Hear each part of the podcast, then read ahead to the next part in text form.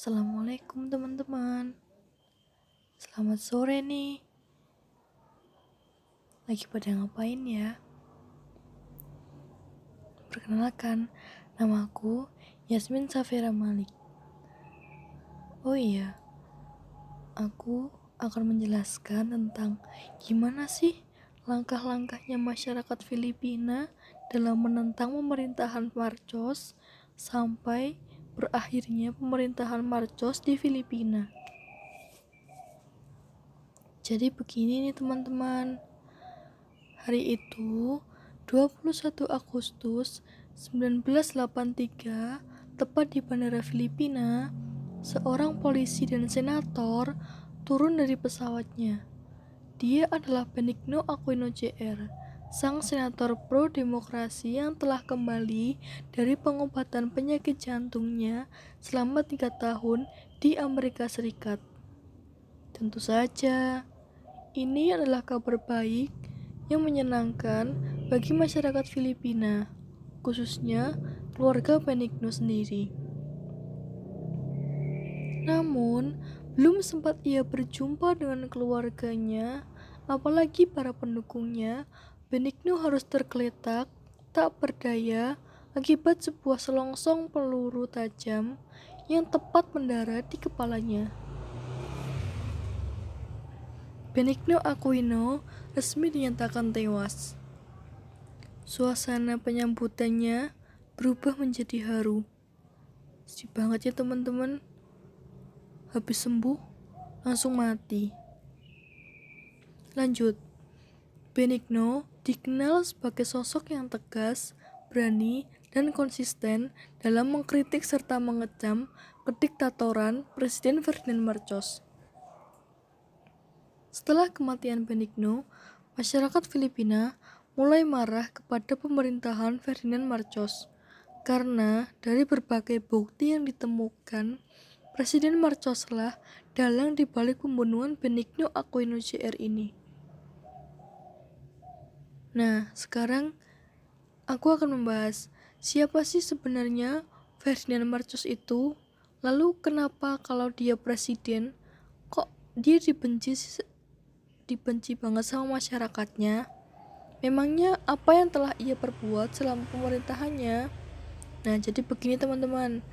Ferdinand Idralin Marcos ialah presiden ke-10 Filipina dan sebagai presiden pertama yang terpilih menjabat selama dua periode berturut-turut. Ia mengawali karirnya sebagai Presiden Filipina yaitu pada 30 Desember 1965. Tidak ada hal yang buruk pada periode pertamanya sebagai presiden. Mulai tumbuh pembangunan infrastruktur, kebijakan-kebijakan luar negeri yang aman, dan juga keuangan pemerintahan yang cukup stabil. Karena pencapaian yang cukup baik dalam masa periode pertama, akhirnya pada pemilihan umum selanjutnya, Ferdinand Marcos kembali terpilih menjadi presiden Filipina. Marcos mulai memimpin untuk yang kedua kalinya. Namun, dengan terpilihnya Marcos kembali, justru membawa dampak buruk bagi Filipina. Nah, gimana nih dampak buruknya? Lanjut teman-teman. Kemenangan Marcos di pemilu tahun 1969 ternyata tidak lepas dari perilaku-perilaku curang. Pemilu yang digelar dinilai memiliki banyak memakan anggaran. Karena Marcos melakukan kecurangan dengan membeli suara, bukan cuma itu, tindakannya yang dinilai melakukan penyalahgunaan wewenang dalam keuangan negara menyebabkan Filipina terdampak inflasi dan devaluasi yang tinggi. Mulailah Presiden Ferdinand Marcos mendapat kritik keras dari berbagai aktivis. Karena selain melakukan kecurangan saat pemilu, Marcos dinilai melakukan korupsi, kolusi, dan nepotisme. Nah, mulai dari sini teman-teman, kepercayaan masyarakat mulai berkurang. Karena keadaan tersebut, pada tahun 1979, Marcos mengumumkan hukum darurat militer. Nah, Di sini teman-teman, titik awal munculnya bibit gerakan People Power atau Revolusi Etsa atau kepanjangannya Epifano de los so Epifano de los Santos Avenue, sebuah jalan di Metro Manila. Revolusi Etsa merupakan gerakan demonstrasi yang dilakukan secara damai oleh jutaan masyarakat Filipina dalam menumbangkan rezim Ferdinand Marcos.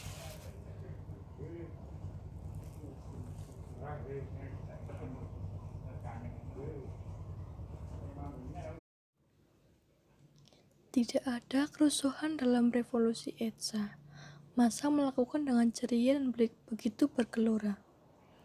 Munculnya revolusi ETSA merupakan respon atas diberlakukannya hukum darurat militer yang menyebabkan hak berekspresi dan juga berpendapat menjadi terbatas. Media massa tidak boleh ada satupun yang mengkritik jika ketahuan langsung deh ditutup oleh pemerintah. Pokoknya, semua harus sesuai dengan apa yang dilakukan Marcos. Siapa pun yang menentang, langsung dia ditangkap dan dipenjara. Aksi demonstrasi di sepanjang jalan Etsa terus dilakukan bahkan saat proses pemakaman Benigno. Setelah pemakaman, demonstrasi terus dilakukan secara besar-besaran menentang Presiden Marcos. Kemudian, saat aksi besar-besaran, muncullah nama Corazon Aquino yang siap menjadi oposisi. Corazon terus mengecam dan menuntut keadilan atas penculikan dan pembunuhan terhadap politisi-politisi oposisi. Seorang wanita pemberani ialah istri dari mendiang Benigno Aquino.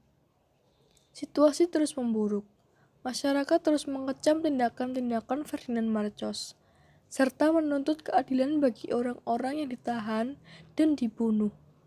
Karena kondisi itu, Marcos memutuskan untuk mengadakan pemilihan presiden pada Februari 1986.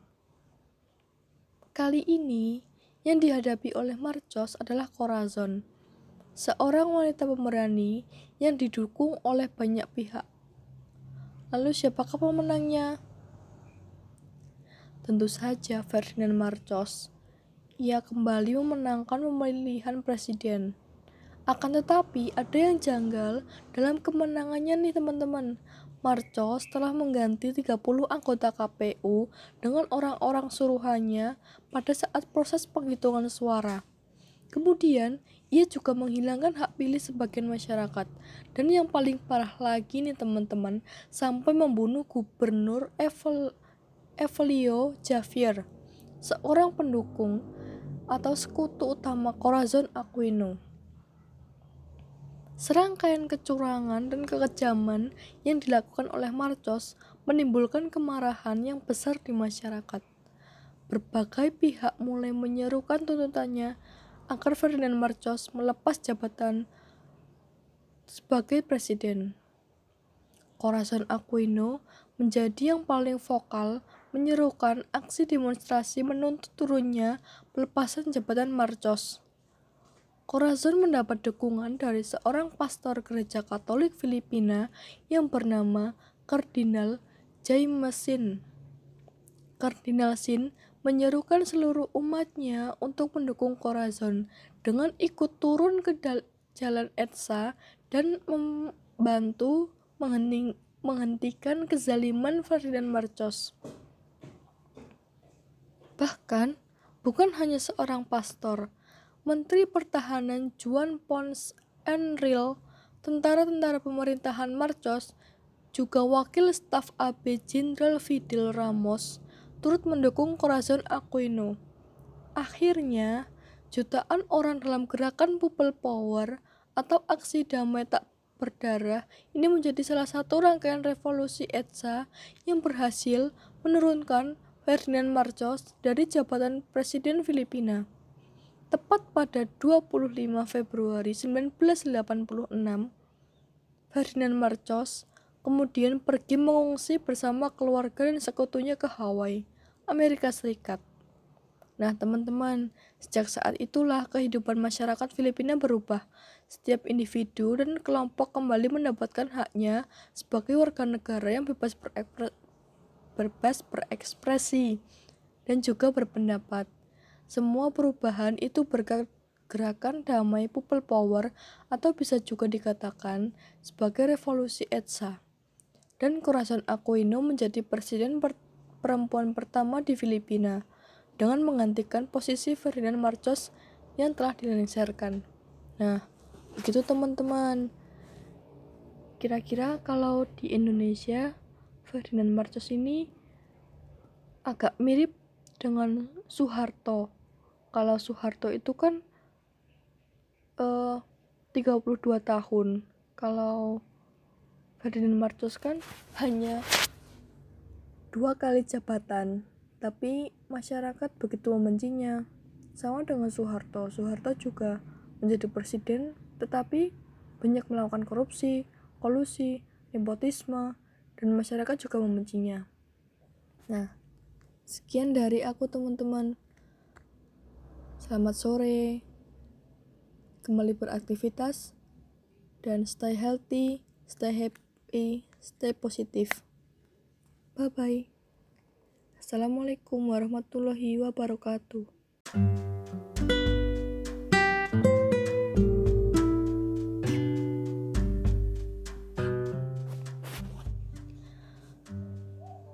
Assalamualaikum teman-teman. Selamat sore nih. Lagi pada ngapain ya? Perkenalkan, namaku Yasmin Safira Malik iya, aku akan menjelaskan tentang gimana sih langkah-langkahnya masyarakat Filipina dalam menentang pemerintahan Marcos sampai berakhirnya pemerintahan Marcos di Filipina. Jadi begini nih teman-teman. Hari itu 21 Agustus 1983 tepat di bandara Filipina seorang polisi dan senator turun dari pesawatnya. Dia adalah Benigno Aquino Jr., sang senator pro-demokrasi yang telah kembali dari pengobatan penyakit jantungnya selama tiga tahun di Amerika Serikat. Tentu saja, ini adalah kabar baik yang menyenangkan bagi masyarakat Filipina, khususnya keluarga Benigno sendiri. Namun, belum sempat ia berjumpa dengan keluarganya, apalagi para pendukungnya, Benigno harus tergeletak, tak berdaya, akibat sebuah selongsong peluru tajam yang tepat mendarat di kepalanya. Benigno Aquino resmi dinyatakan tewas. Suasana penyambutannya berubah menjadi haru. Si banget ya teman-teman habis sembuh langsung mati. Lanjut, Benigno dikenal sebagai sosok yang tegas, berani, dan konsisten dalam mengkritik serta mengecam kediktatoran Presiden Ferdinand Marcos.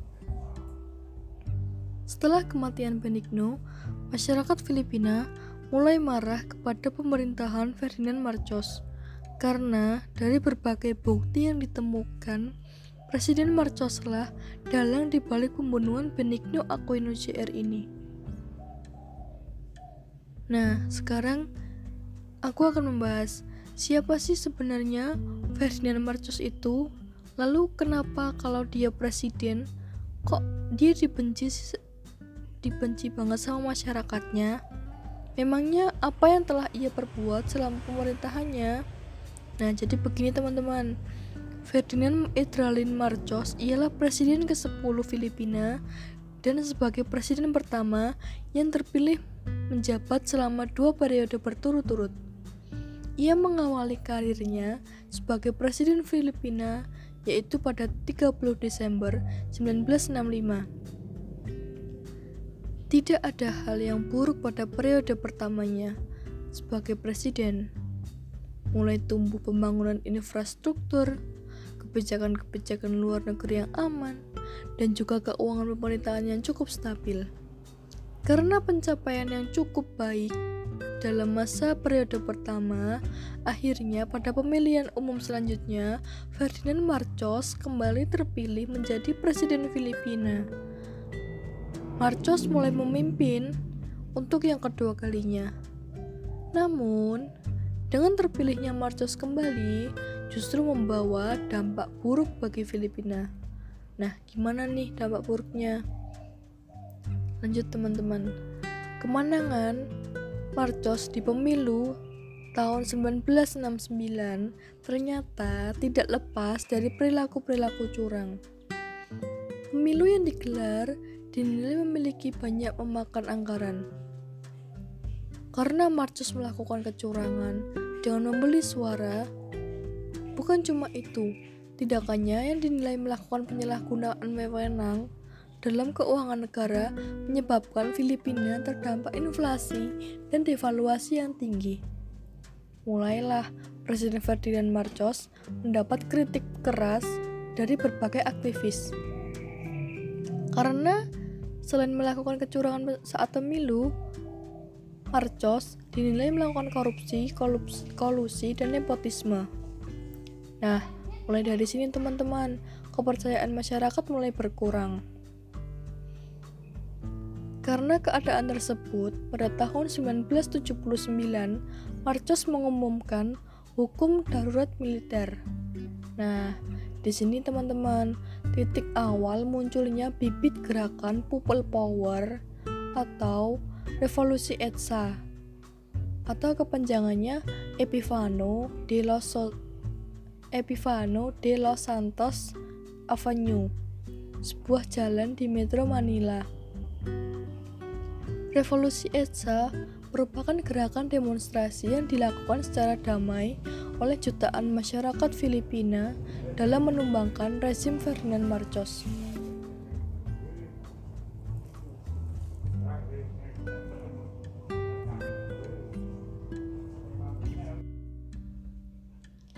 Tidak ada kerusuhan dalam revolusi ETSA. Masa melakukan dengan ceria dan begitu bergelora. Munculnya revolusi ETSA merupakan respon atas diberlakukannya hukum darurat militer yang menyebabkan hak berekspresi dan juga berpendapat menjadi terbatas. Media massa tidak boleh ada satupun yang mengkritik jika ketahuan langsung deh ditutup oleh pemerintah. Pokoknya, semua harus sesuai dengan apa yang dilakukan Marcos. Siapa pun yang menentang, langsung dia ditangkap dan dipenjara. Aksi demonstrasi di sepanjang jalan Etsa terus dilakukan bahkan saat proses pemakaman Benigno. Setelah pemakaman, demonstrasi terus dilakukan secara besar-besaran menentang Presiden Marcos. Kemudian, saat aksi besar-besaran, muncullah nama Corazon Aquino yang siap menjadi oposisi. Corazon terus mengecam dan menuntut keadilan atas penculikan dan pembunuhan terhadap politisi-politisi oposisi. Seorang wanita pemberani ialah istri dari mendiang Benigno Aquino. Situasi terus memburuk masyarakat terus mengecam tindakan-tindakan Ferdinand Marcos, serta menuntut keadilan bagi orang-orang yang ditahan dan dibunuh. Karena kondisi itu, Marcos memutuskan untuk mengadakan pemilihan presiden pada Februari 1986. Kali ini, yang dihadapi oleh Marcos adalah Corazon, seorang wanita pemberani yang didukung oleh banyak pihak Lalu siapakah pemenangnya? Tentu saja Ferdinand Marcos. Ia kembali memenangkan pemilihan presiden. Akan tetapi ada yang janggal dalam kemenangannya nih teman-teman. Marcos telah mengganti 30 anggota KPU dengan orang-orang suruhannya pada saat proses penghitungan suara. Kemudian, ia juga menghilangkan hak pilih sebagian masyarakat. Dan yang paling parah lagi nih teman-teman, sampai membunuh gubernur Evel Evelio Javier, seorang pendukung atau sekutu utama Corazon Aquino. Serangkaian kecurangan dan kekejaman yang dilakukan oleh Marcos menimbulkan kemarahan yang besar di masyarakat. Berbagai pihak mulai menyerukan tuntutannya agar Ferdinand Marcos melepas jabatan sebagai presiden. Corazon Aquino menjadi yang paling vokal menyerukan aksi demonstrasi menuntut turunnya pelepasan jabatan Marcos. Corazon mendapat dukungan dari seorang pastor gereja Katolik Filipina yang bernama Kardinal Jaimesin. Kardinal Sin menyerukan seluruh umatnya untuk mendukung Corazon dengan ikut turun ke jalan Etsa dan membantu menghentikan kezaliman Ferdinand Marcos. Bahkan, bukan hanya seorang pastor, Menteri Pertahanan Juan Pons Enril, tentara-tentara pemerintahan Marcos, juga wakil staf AB Jenderal Fidel Ramos, turut mendukung Corazon Aquino. Akhirnya, jutaan orang dalam gerakan People Power atau aksi damai tak berdarah ini menjadi salah satu rangkaian revolusi ETSA yang berhasil menurunkan Ferdinand Marcos dari jabatan Presiden Filipina. Tepat pada 25 Februari 1986, Ferdinand Marcos kemudian pergi mengungsi bersama keluarga dan sekutunya ke Hawaii, Amerika Serikat. Nah, teman-teman, sejak saat itulah kehidupan masyarakat Filipina berubah. Setiap individu dan kelompok kembali mendapatkan haknya sebagai warga negara yang bebas, berekspre bebas berekspresi dan juga berpendapat. Semua perubahan itu berkat gerakan damai people power atau bisa juga dikatakan sebagai revolusi ETSA dan Corazon Aquino menjadi presiden per perempuan pertama di Filipina dengan menggantikan posisi Ferdinand Marcos yang telah dilengsarkan. Nah, begitu teman-teman. Kira-kira kalau di Indonesia Ferdinand Marcos ini agak mirip dengan Soeharto.